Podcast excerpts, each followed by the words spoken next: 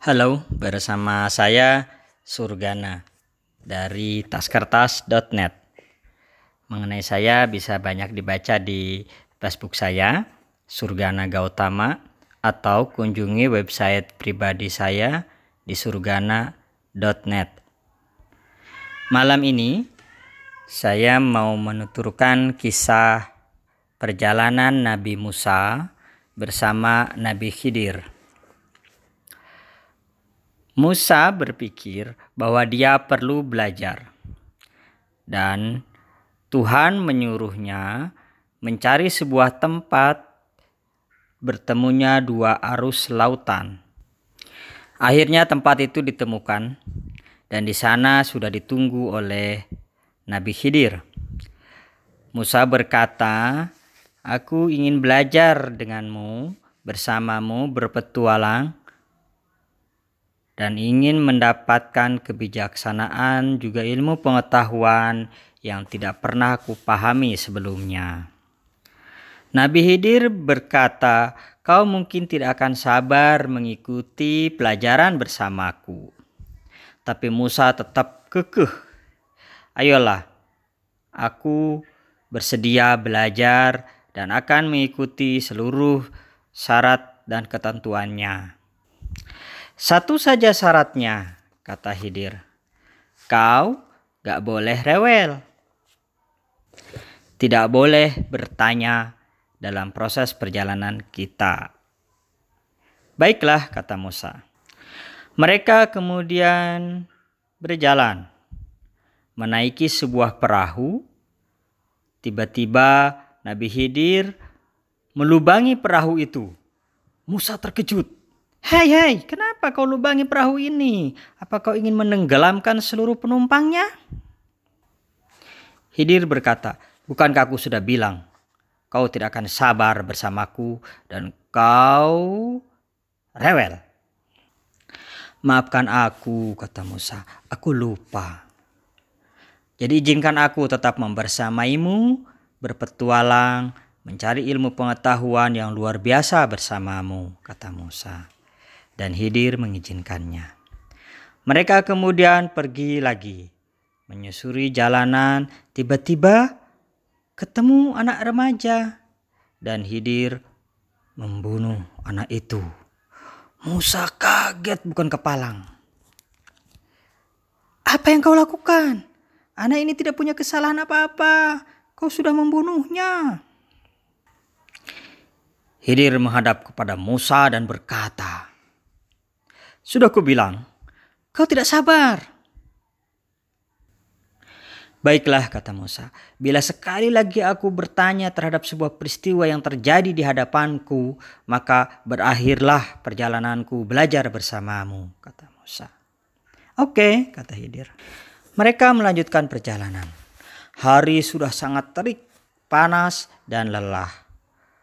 Musa dan kelompoknya kelelahan. Musa dan Hidir juga ajudannya Nabi Musa. Mereka kelaparan.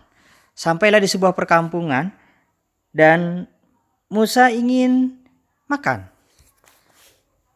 Mengetuk banyak pintu, tak seorang pun bersedia memberi mereka makan siang. Kita lapar, kata Musa. Eh, di kampung itu ada sebuah bangunan mau roboh. Hidir meminta Musa mendirikan dan menegakkan kembali bangunan tersebut dan mereka bekerja keras hingga menjelang sore bangunan itu selesai dan normal berdiri tegak kembali. Lalu tanpa sadar Musa berkata begini, Wahai kawanku, bukankah akan layak bagi kita yang sudah bekerja keras ini mendirikan bangunan ini meminta bayaran? Tanpa ampun, Hidir kemudian berkata, Inilah saatnya kita berpisah. Kau sudah selesai. Lalu Hidir menjelaskan, Wahai Musa, dengarkan. Akan aku jelaskan tiga perkara yang sudah terjadi bersamamu selama perjalanan petualangan kita. Yang kau sangat tidak sabar dan selalu bertanya Dengarkan baik-baik. Pertama mengenai perahu. Tidak ada yang tahu, termasuk kau tidak mengamatinya dengan cermat, bahwa di belakang perahu yang kita naiki ada patroli kerajaan yang selalu merampas, merampok perahu-perahu nelayan rakyat kecil. Semua perahu yang utuh dan masih bagus akan disita oleh mereka. Dan aku tahu nelayan yang kita tumpangi itu tidak punya lagi kemampuan untuk membeli perahu atau membangun perahu baru. Maka memberi kerusakan kecil pada perahu yang kita naiki menyelamatkan perahu dia dari rampasan. Kau paham? Lalu yang kedua, anak remaja yang aku bunuh.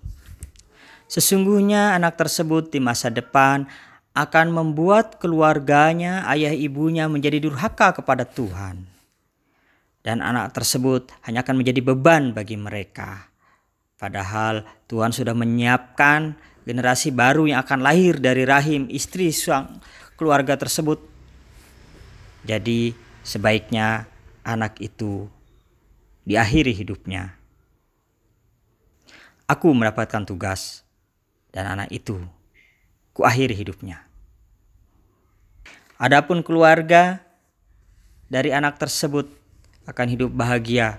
Mungkin pada awalnya satu dua tahun akan berduka, tapi setelah itu mereka akan bersuka cita. Yang ketiga, dinding yang mau roboh. Itu adalah bangunan dari seorang tokoh yang sangat dihormati di kampung tersebut. Sayangnya karena sudah tiada dan ahli warisnya adalah anak yatim yang papa.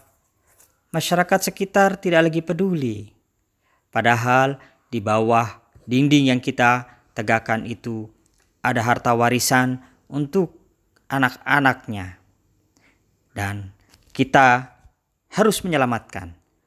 Sehingga anak dari orang tua yang baik tersebut pada waktunya nanti bisa menikmati warisan dari orang tuanya.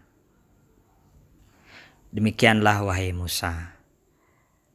Semua peristiwa yang kau tak sabar untuk mengetahui makna sesungguhnya dari setiap peristiwa.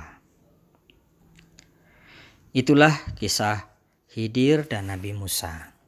Saya ingin sedikit memberi catatan bahwa setiap peristiwa yang terjadi dalam kehidupan kita sesungguhnya dengan kesabaran dan ketabahan dalam menjalaninya akan memberi hasil dan manfaat yang luar biasa pada kehidupan dan kebesaran jiwa kita. Ada beberapa hal yang memang terlihat begitu mengerikan pada saat ia terjadi, namun sesungguhnya ia hanyalah bagian dari proses hidup yang harus kita lewati. Karena itu, Kesabaran dan ketabahan dalam melewatinya dan menjalaninya adalah satu-satunya cara untuk mewujudkan apa pun yang kita inginkan dalam kehidupan.